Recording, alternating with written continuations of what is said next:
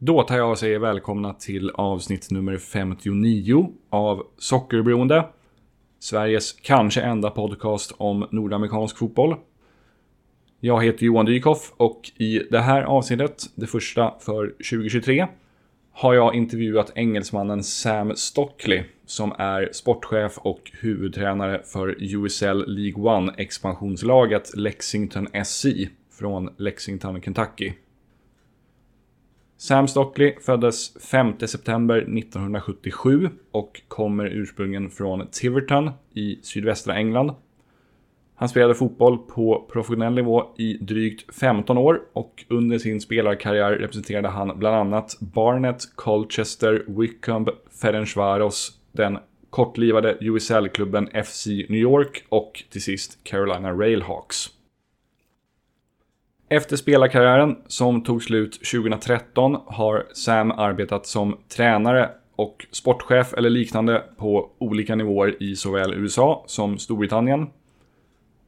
I oktober 2021 utsågs han till sportchef för den Kentucky-baserade klubben Lexington SC som då hade tilldelats en expansionsplats i USL League One med avsikten att börja spela säsongen 2023.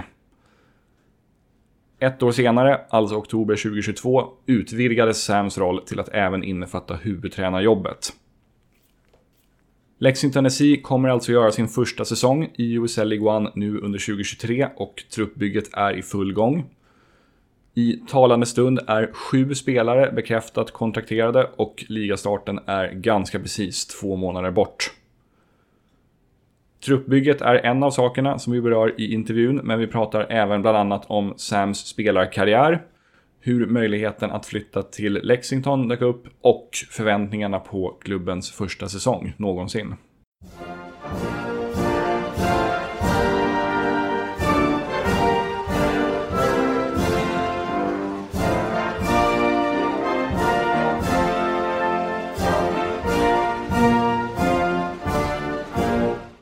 So, um, to start off, uh, as I mentioned, this interview will obviously primarily be about you, your career, and Lexington SC. But since this is a football podcast based in Sweden, I would like to ask you uh, what comes to mind when you hear the word Swedish football.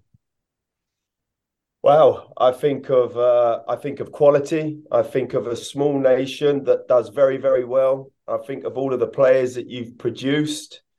Um, I think that yeah, I think very technical, tactical players that um, that have achieved a lot on the national stage. That's what I think of when I think of Swedish football. Um, so yeah, I think it's uh, you know uh, the the head coach here at UK.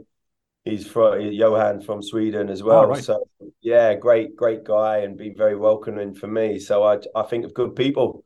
To be honest with you, good people that um, know the game and proud of the game and have produced players and the country's produced you know players. So yeah i think it's brilliant. Mm, nice to hear. Um moving on i would like to ask you a couple of questions about your uh about your playing career. Um you spent most of your playing career in what is now known as league one and league two in england if yeah. i'm not mistaken. Um yeah. which season or seasons do you regard as your best of your playing career Cool. I think that's a that's a great question. I think that um, I look at it where I was in mental stages in my life, if that makes sense, because it's such an emotional game. And I think that, you know, I always reflect back and I was very fortunate to be in some excellent high performance environments and teams with some great managers and, and often get asked, you know, I don't think you have a bad manager now. I've grown up and understand that. I might have moaned about that a little bit when I was a player, but when I look back on it now and all the things that I've learned, whether that's something I would do or maybe not do, or environments that I was in, I look at it all as a real positive now. But I think that I think my time at Barnet, when I just left Southampton and I went to Barnet and we were I was 19 years old in the first team. I, I, think I played 120 plus games before I got injured. So I played consecutively for about three and a half seasons.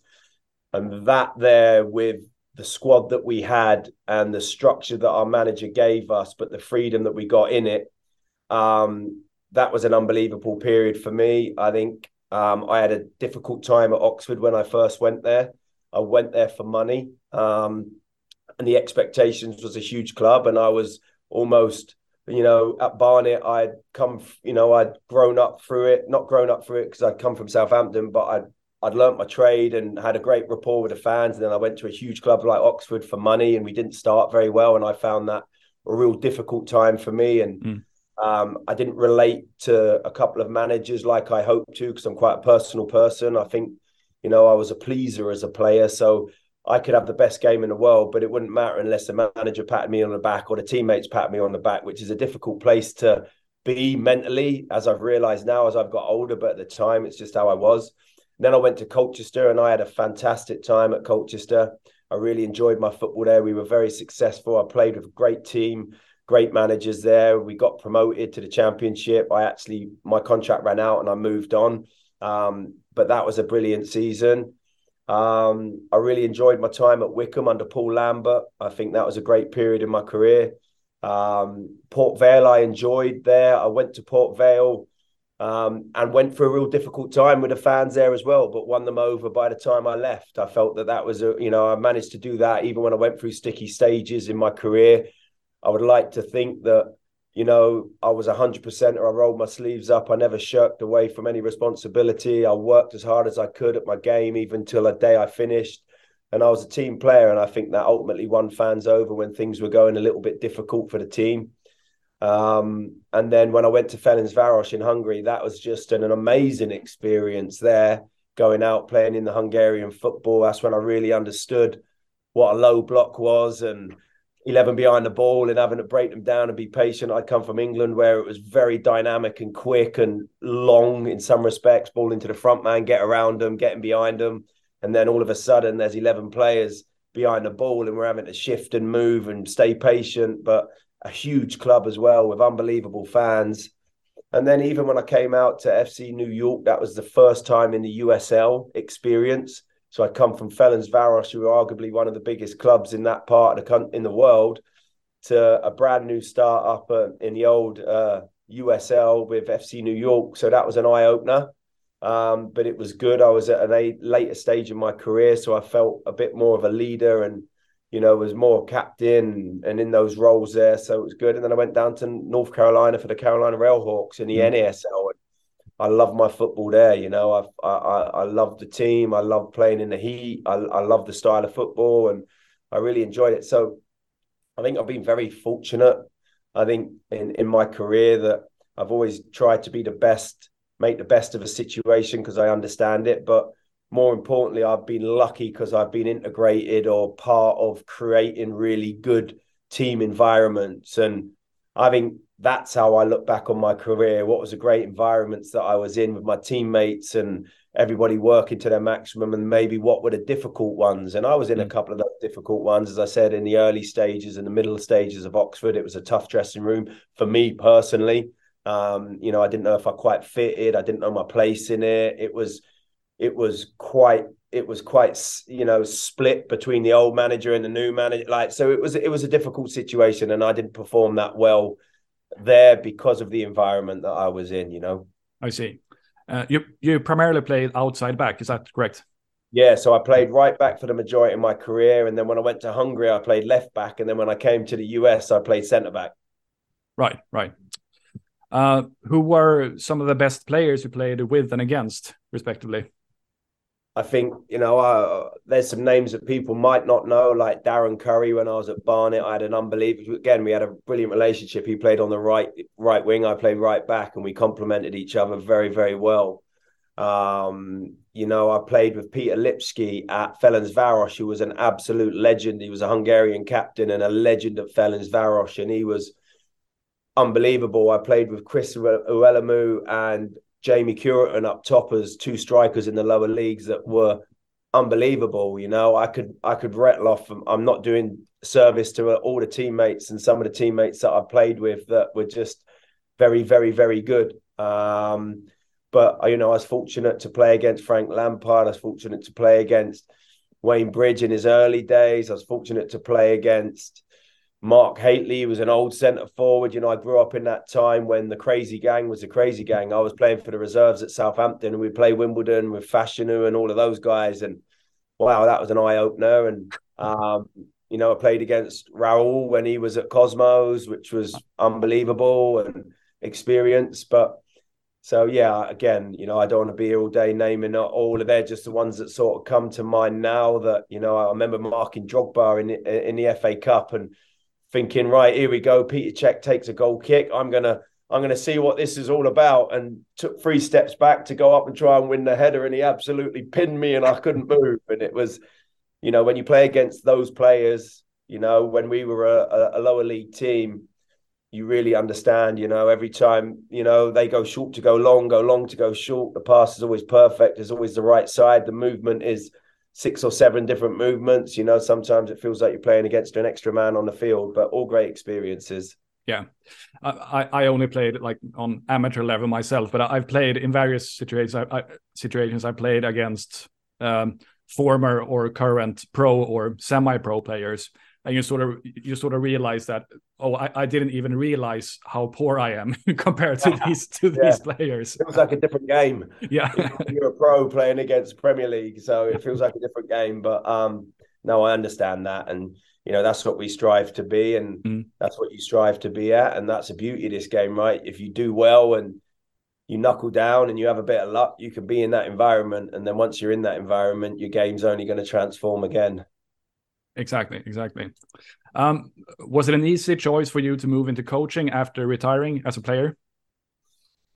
You know, when I look back on my career like that, it it just organically, naturally happened. In some mm-hmm. respects, I was very fortunate in that respect. Um, you know, I was a, I was a captain of of my teams when I was playing. I and even when I wasn't captain, I felt like I was a a, a leader, not in an arrogant way, just in the way that I was. I really connected with my teammates. I tried to connect the changing room. I'd always be there for the younger players. I was always trying to set examples of the way that I would do things and how I would train and everything like that. So for me, being part of a team and in that team environment has just been uh, was was something I adored and and loved as a player. And then when I transitioned into coaching, it yeah, you know, when I first started coaching, I was coaching like a player, you know, and mm-hmm. then as I transitioned and got older and more experienced and went through all of my education and licenses and meeting people and mentors and you know studying continue to study the game but see it through different lens now you know rather than I could still be doing that I should still be doing that to more like right how do I solve that? And what would I do in that situation? You know that that whole period and transition you know has been very fortunate that it's been quite organic but you know that I've been very lucky with the people that have helped and mentored me and been around and you know I continued my education you know I'm a big believer in that and um, you know I love that. My thirst to try and be better and try and continue my growth and be able to provide information and feedback for players and staff and everything like that is you know that that's something that's really dear to my heart and what I really like to do. Yeah can you give us like a brief rundown of your coaching career up until signing with Lexington? Yeah, so when I finished playing at uh, North Carolina, um, I went in as like a player coach there. So I did. I was on the grass, a lot of player coach there. At the same time, I was I built a supplemental training program for the Plo Club in the youth. Um, so I kind of went on two paths, senior and youth at the same time, because I just loved being around it. Mm-hmm. And then I worked for um, a ginormous youth club called, it's now NCFC Youth, but it was called CASL back then. So I went into that as uh, like uh, age group directors on the female. I did a lot of coaching on the female side in the younger ages, which was in my younger, in my earlier coaching days, which was brilliant. I then from there became uh, an assistant coach in the collegiate world. Mm. I then was a technical director, uh, being a technical director. Um, I've coached for the female US national team as an assistant coach. When I came back to the UK, I started coaching education with the Welsh FA. So I've been a coach educator. I was a technical director or head of coaching back um, back when I was back in the UK for for a Welsh team for a Welsh uh, uh, second tier team because all of my coaching education has been through the Welsh FA. So I connected through that, did coaching education. I was a head of coaching and worked in the academy back there for Fleetwood Academy. So, you know, what I what I've realized now, 10, 12 years on, that I've been very, very fortunate to coach at every single level on the males and female side of the game. In fact, the one thing I haven't done is female pro. Mm. Uh, but that education and and the both genders and understanding it's the same game, but you know having the the understanding of of how to create team environments and what's important within those team environments are slightly different. Um, but no, you know, when I look back on it now, I've been very fortunate, and you know, even coming into in, even coming into Lexington as a sporting director now and the head coach, you know, I was heavily involved with the youth. That was part of my role, and with with with Michelle Rayner, who's now just become the female sporting director mm. of the football club. Um, you know, we were in it from day one. So, you know, we were implementing, and you know, we merged a youth club, two youth clubs here with fourteen hundred kids, and all of that implementation of the curriculum, the methodology, how we want to do it. You know, we was on the field with the U sevens and eights, going up to the USL Academy, and now it's transitioned into the pro team. So, um, yeah, I've been very fortunate to be in. I, I was down at West, uh, a team in Florida. I was a technical director down there, so I've been that assistant coach, head coach, technical director, normal coach, you know, sporting director. So I've been very fortunate to to have a little, you know, to have a sprinkle in all of it now, mm. and I feel like that's why it's organically bubbled up to be, you know, the the opportunity with this first team that you know I'm I'm loving. You know, I've got brilliant staff you know that's a big thing for me the staff that we have around us is is huge you know and i'm very fortunate to have some some quality people and the ownership group that we have here is as you know is as is as, as good as any that i've been around in and involved in and that was a big piece of it for me was understanding the football side of it but also having that business education which mm. you know with, with with our ownership here and and what they've done in their careers and life and and business and personal life is something that has been unbelievable to learn from. It's like a honestly, it's like a Harvard education every day. It really, really is. And and for me, that that that ticks a lot of boxes for me. Yeah. One of your assistant coaches is Nacho Novo, right? The former Rangers yeah. striker. Yeah. Yeah. So I played with Nacho at North Carolina. Mm. Um, I actually just transitioned out and was a player coach. It was my first year as a player coach as he came in. So I was still very much you know, feet on the grass playing, but also in the other side of it. And you know what what endeared me about Nacho is when he came in with all of his, you know, with all of his profile and the level he'd been at and playing in the Champions League and the Liga and Hall of Fame and Rangers, he came in and you know really worked as hard, if not harder than anybody else. You know, in his training habits, he was a winner. Um, he helped the younger lads by how he played and how he trained and and he's had some bumps along the road in his career and life as well like we all have. And i think that you know when this opportunity came up to be able to bring him out of the UK and over here and give that opportunity to him you know I, I think for for our forwards and our front players to be able to work and learn from Nacho and how personable he is and how much he cares about players and and being on his own journey. I think he's so relatable um, to the players. It's going to be brilliant, and that's where he is at his most comfortable is when he's on the grass with the players, and yeah. he'll openly admit that. The other side of his game is, which is what I like, is which is the management staff, that coaching piece. You know, that's where I'm able to help him and you know continue his development, which is a big piece again from wearing the two hats as a sporting director and as as as a head coach. You know, all the staff that we've got in, Warren, the our other assistant coach, and Connor Talbot, who's our head of goalkeeping. You know, they're all lads that I've known for a long period of time, so I know their culture and who they are and their character. Sorry, sorry, and the type of people and humans that they are. That for me was first and foremost the most important thing about it. The fact that they're all former players and that they know the game inside out and have completely committed to the game is obviously a huge piece of it as well. Um, but no, really excited about you know the, the staff that we have.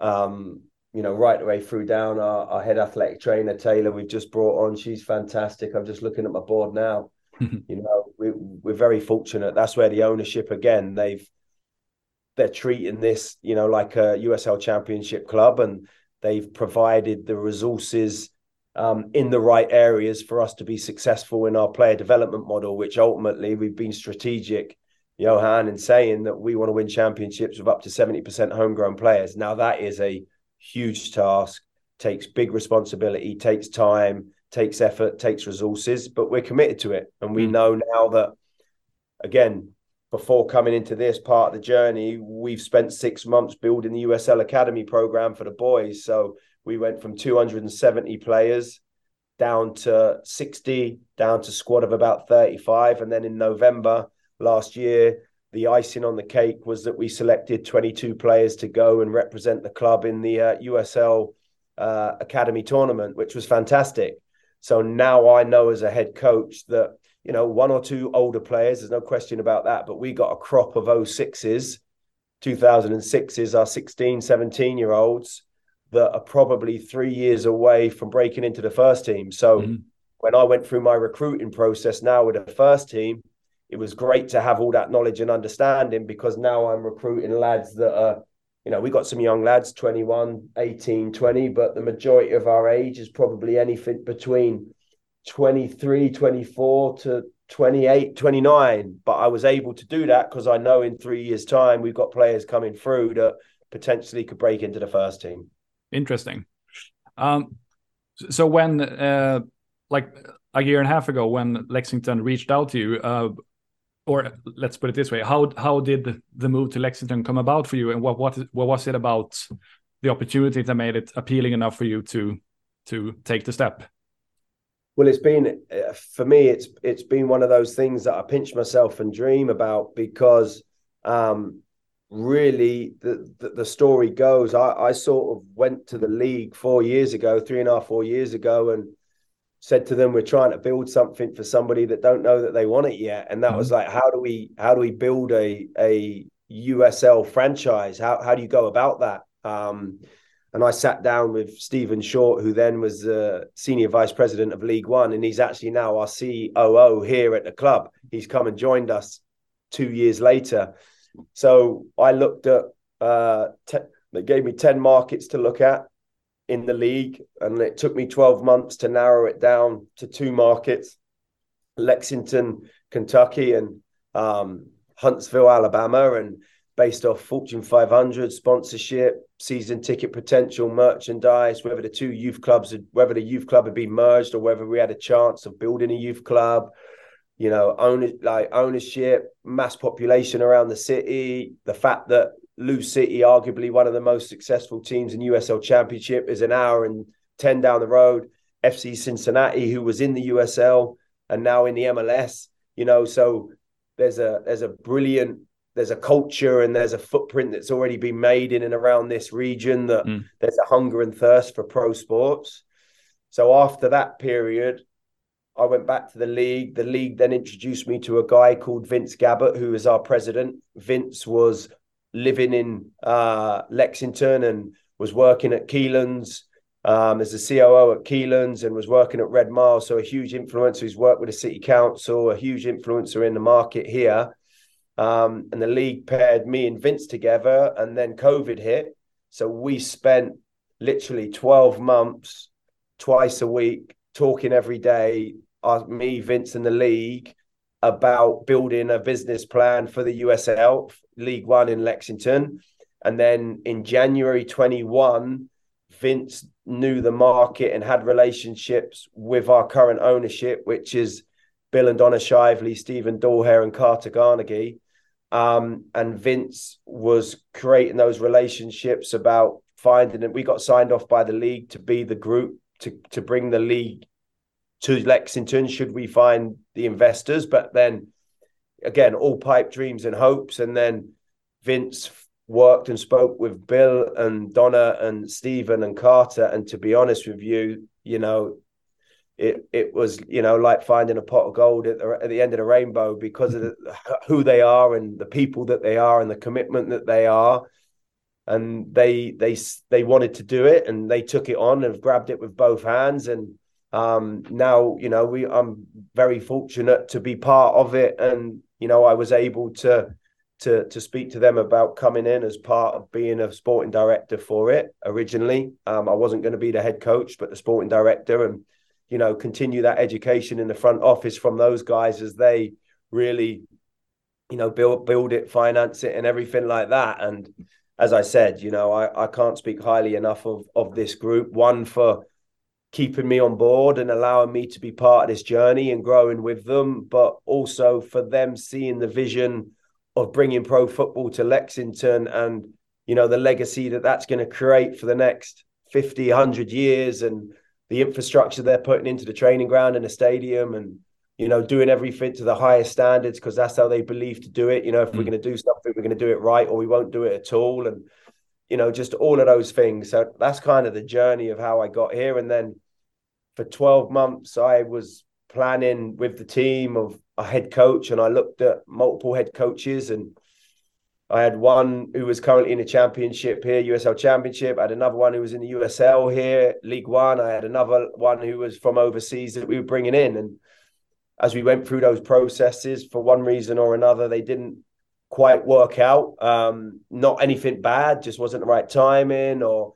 you know, one of them's wife and family found it difficult to want to move, and all the things that naturally happen. And as we went through that process, the more we thought about it and spoke about it and with what we're trying to set with our development model our philosophy the culture the traditional values and everything like that which is so important to the ownership and it sprinkles right right down through the club at the time we just felt it was maybe a good time for me to continue that and become the head coach obviously taking my sporting director hat off and putting my head coaching hat on it's unbelievable. And I'm so excited that I have this opportunity to do it. And mm.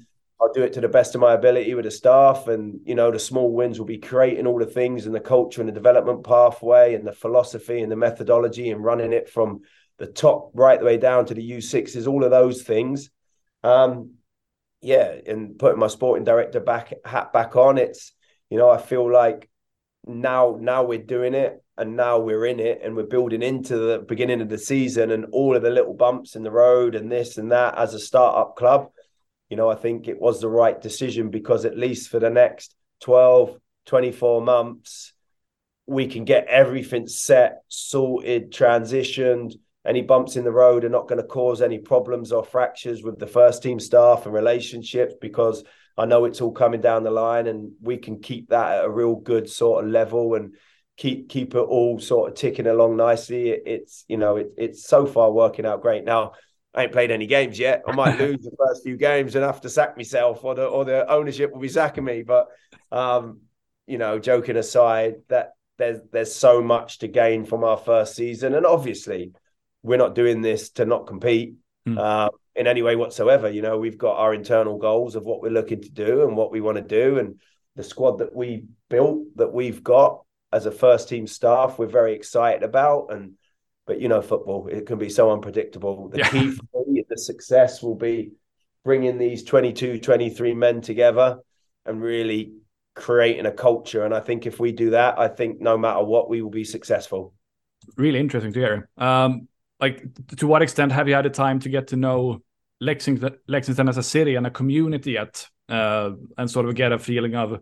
You, you mentioned a bit the, the proximity to uh, Louisville and Cincinnati, but what what's uh, in your opinion what, what's the city of Lexington like, and what's the football culture like in like of Lexington? Um, that's and again, know, it's a it's a great question. I've been here now I've been here full time 13. Well, no, I've moved in a 12 months. And then mm. before that, I was commuting for another three, four months. So I've been connected now with Lexington for about 16 months. And I've been my first impression of it. And it's very, I'm very fortunate that it's probably in all my time. And I've lived in Florida, I've lived in North Carolina, I've lived in Seattle, I've lived in Cincinnati.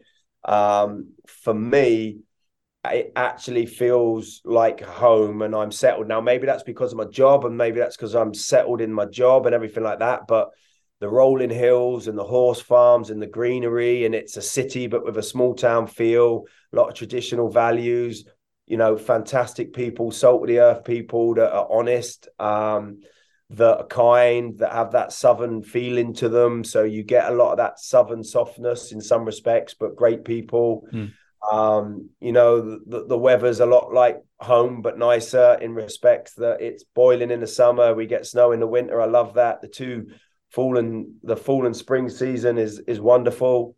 Um, and then it's a sports town.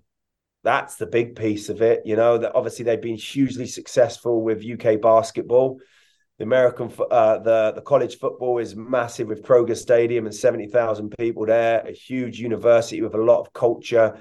The horse farms bring in a, so much different culture as well that it's actually a really cool bespoke city that you wouldn't quite think of it in the middle of Kentucky, if that mm. makes sense. But what I also like about it is it's a little bit slower.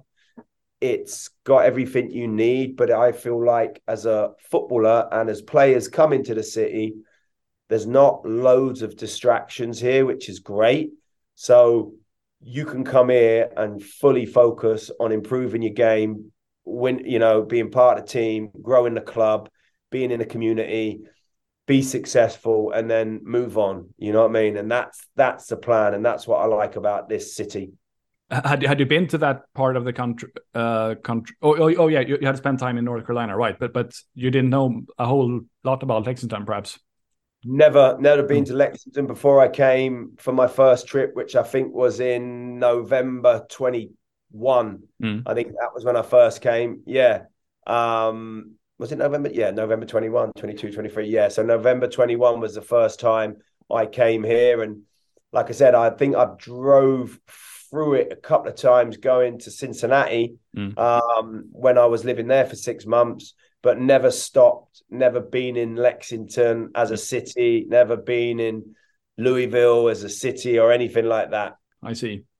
Um, you spoke about like the bu- building of the roster and everything. Uh, with you being, or with Lexington being an expansion club, up until recently you had zero players on the contract. So, uh, how was what was your approach like to start starting building the, roster? Is it like a matter of looking at a list of these players are available let's sign the most the ones that we like best or is it more of, of like let's go after a certain type of players that you have in mind or like can you take us through like the first couple of steps of building the roster yeah no it, ours was very you know ours was a detailed plan from 12 months you know we have a game model and a style of play and principles of play of how we want to play mm from that, we built our player profiles of what we needed in each position that we felt would suit our game model and our style.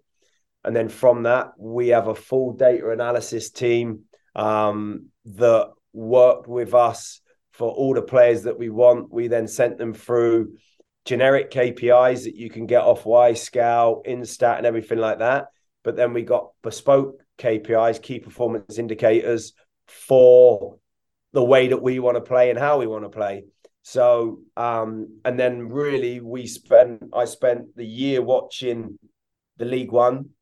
So every game on a Saturday evening, I'd watch because of the time zones. You can start at seven thirty and finish at like eleven o'clock. Eleven o'clock over on on the west coast. So I grabbed forty five minutes of games and just made loads of notes on players that I felt could do something that could fit in and track them and watch them. And then when the staff came in, they continued to watch games and chat. And then, to be honest with you, when I was named head coach, that has probably been the most overwhelmed in this job that that I had because the influx of players that came my way from agents, from players reaching out. And I'm very much at a mindset that no stone left unturned because one player that I don't watch or look at could be the one player that we could develop and sell on and move on and be successful for us. But it got too much. So then what I realized after about two weeks of that, I went back to my network. I went back to people that I trust. I went back to p- coaches that I know, players that I know, agents that I know. And I really relied on my network and, and the first team staff relied on their network to really expand and identify players that that fit our game model. So a lot of talking to agents, a lot explaining how we want to play and what we're looking for. Then what would happen is we would get players sent in. I would watch clips or or film.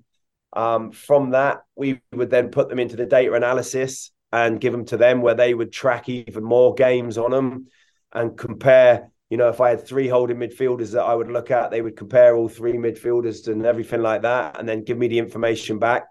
But even then, I would then speak with the agent. I would then speak with a player, and then get a feel for it and see if it was a right fit. And then again, we still don't know because they've not been in our environment yet. We haven't started training together. But I think you know from that standpoint, the actual squad building was being the most fun, even though it's been intense, but it's been the most fun because we've been so organized in how we wanted to do it and what we had and the plans that we had in place and the system and the style and the and the principles and the player profiles. We had all of that. So you know for us it's everyone's a rookie coming to Lexington even if mm. you've played in the league before. So all of these players coming in they're all starting in exactly the same spot because we're teaching our style of play, our game model, how we want to be in possession, how we want to be out of possession. We're going to be teaching that to all of them for the first time. So I kind of think that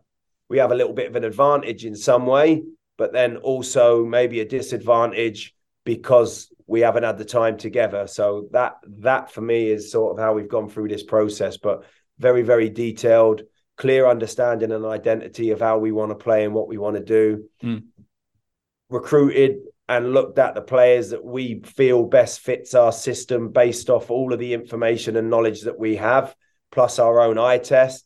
But again, until they're all in market, until we're all training on a daily basis, then that's when we can start really looking at pairing partnerships together and units together and a back four that works together and complements each other, you know, a six that can drop in or play high or you know, a rotation in midfield, wide players playing inside or in the half spaces, centre forwards that can drop in as a false nine but extend when we need to. We're not going to know all of that until we start really getting going. Yeah. And speaking of that, and considering the fact that everyone will be new to the club this year, like how do you go about to? Because I, I, can imagine that any any soccer coach wants to achieve like a good culture and group chemistry, but how how will you try to make uh, make that as good as possible, considering the fact that everyone is new to the club and most players probably have never played with each other before? I think that by having a clear identity, having defined understanding in possession and out of possession, mm. along a rigid structure with loads of freedom is what we talk about, an un uh, a work rate of high intensity in everything that we do I think being open and transparent and saying what you do and doing what you say, I think that I have confidence in myself and the staff and how we create relationships and how relationships are most important to us. And I think that all of that will enable us to be able to create a great environment. You can't buy an environment or a culture, you have to create it. And to create it, I believe that you have to be consistent within your actions and consistent with how you do things because if you do that that creates trust with you and your players and if you create trust that creates buy-in and then I think it's up to us as a club to provide a system and style of play that players really want to play in and mm. I believe that our principles and our game model I look back to it as a former player, which I always try to do. I really try to stay close to my playing days in that respect. What would I like? What would the what would the changing room like?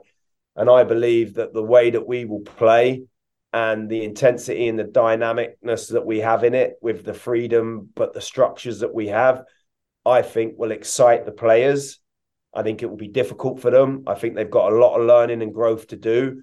I think it will challenge them but I think that they're all the things that you want as a pro player. And I think if you put all of them together, I think that's a way that you can start to create a really positive culture, which is really, really important. And again, that comes down to your due diligence on the front end of who are you recruiting, because that was a big piece for it for us as well. It, mm. You know, and that stems from our ownership and the and the principles there. You know, they've always said let's get the right people on the bus and let's get the right people in the right seats on the bus. Yeah. And that that is all that's something that's close to my heart and that's something that's important to our ownership. So character has been a really big piece of our profiling. But again, they're players, they're young, they're going to make mistakes. There's going to be bumps in the road. You know, I I would never sit here and try and protect that I wouldn't be here if it wasn't for people believing in me because the amount of mistakes and bumps in the road that I made and decisions that I've made that aren't always the cleverest and the best. But I think that that's that's part of growing, and I think that how we handle those situations, if it comes if it comes from sincerity, and I think if it comes from us caring and supporting, then I think that we're always going to be in a good place. Yeah. Uh, speaking of like development and preparing for games and so on, what are the facilities around uh, around the club like? And by that I mean pitches, gyms, locker rooms, offices, and whatever else you need to prepare for games. So we've got we've got a full uh, HQ office building that we're all working out of at the minute.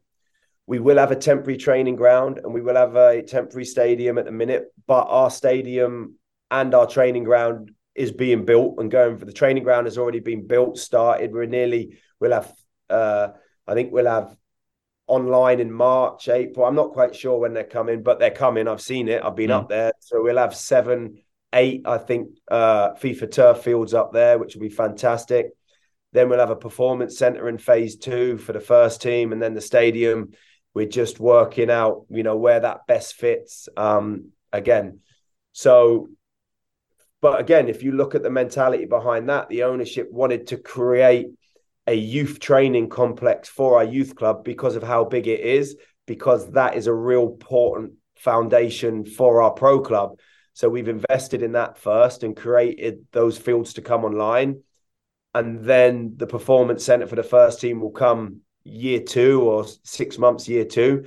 But it's all happening and all in the plans. Um, but I think it just goes to show how we wanted to build it from the foundation up um, rather than maybe coming in from the top down. Now, obviously, ultimately, the men's and women's pro team, when it comes online, are critical to the success because a good style of football and a winning mentality will create excitement, will build fan base, will sell replica jerseys, will sell merchandise, will fill the stands. So they all go in hand in hand. And um, for us and our, and how we look at it, you know, we wanted to build that foundation because ultimately we want to win championships with up to seventy percent homegrown players. So um, it's all coming. I think you know I'd be very transparent with the players that we've got coming into market. That that is probably the one area that we have to navigate through and continue to understand and grow. That we will be in multiple locations mm. for our first year being in a temporary training ground to a temporary performance center to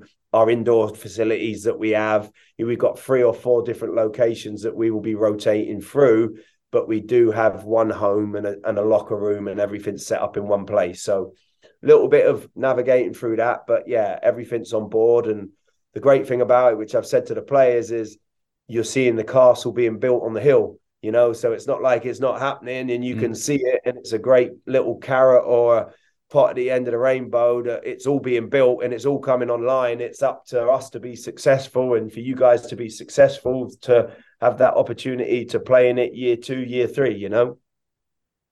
Fascinating. That sounds incredibly uh, ambitious by the ownership. Uh, yeah, it, fantastic. It, yeah, yeah, they're doing it properly. They're doing yeah. it properly. There's no question about that.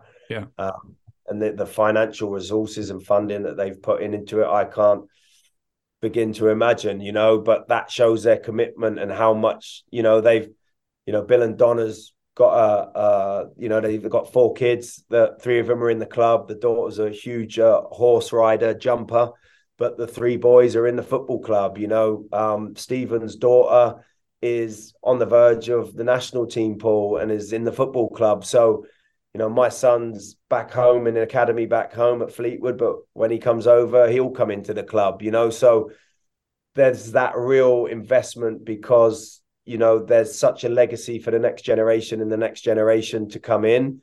And their ownership are unbelievable at that. And they, you know, they want to do that properly. That's a big thing to their heart. You know, they do so much that the community doesn't know about behind the scenes with charities and boards and that's exactly how they are. So humble and unassuming but yet so committed and um and driven for it to be a success. So from my standpoint on the sporting side it's fantastic because yeah. you know they're behind it. Now of course we have budgets and of course there's a structure to it all because there has to be. They haven't been as successful as they've been to not have all of that. But you know, all I can say is so far everything that we've needed has been provided, and you can't ask for more than that. So there's every reason to be optimistic for the future of Lexington SC then. Oh, one one million percent. We, are scratching the surface on it at the minute, and everything that's coming down the pipeline. And you know, we think like a champ USL Championship club. We think mm. like that. It's we've got aspirations to be in it. The ownership have aspirations to be in it. Um, whether that's promotion and relegation or whether that's you know a financial commitment later on down the line.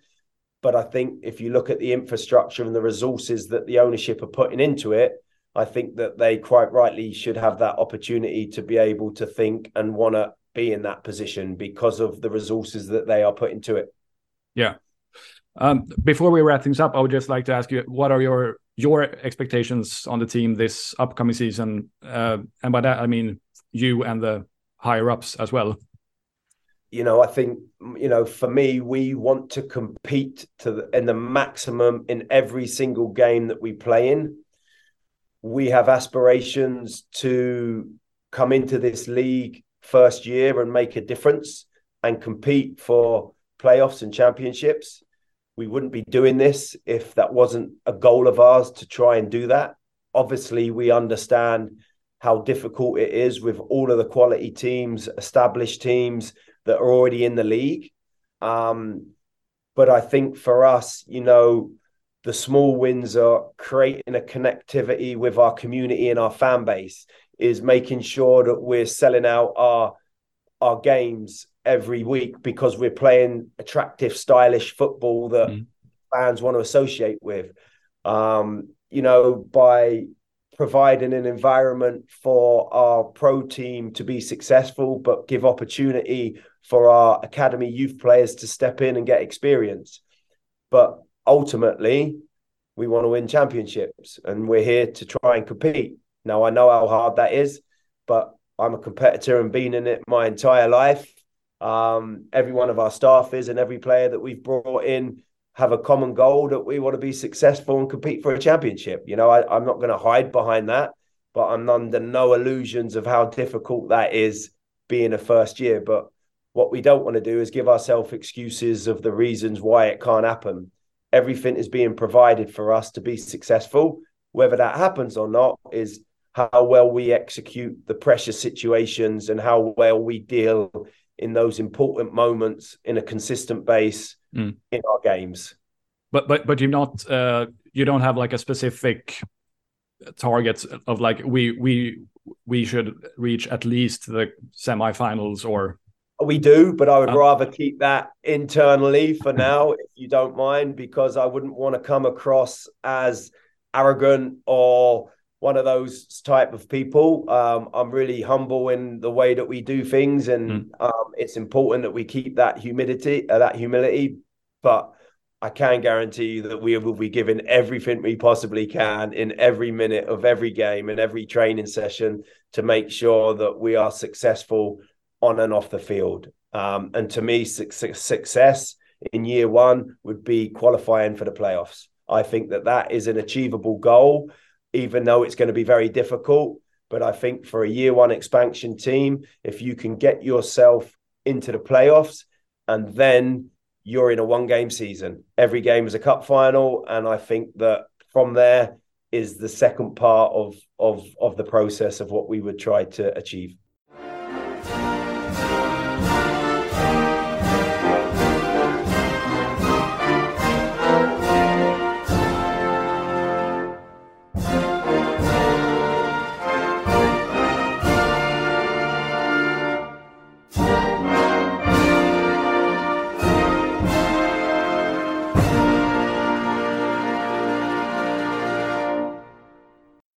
Sådär ja, då tar vi och tackar Sam Stockley för att han tog sig tid att ställa upp på den här intervjun och vi önskar honom och Lexington SI ett stort lycka till framöver. Intressant att höra vad de har på gång där, måste jag säga. Ambitionerna verkar det inte vara något fel på, helt klart. Tack så mycket för att ni har lyssnat. Hoppas att ni uppskattade den här intervjun. Ha det så jättebra så länge så hörs vi igen i kommande avsnitt. Chao, chao.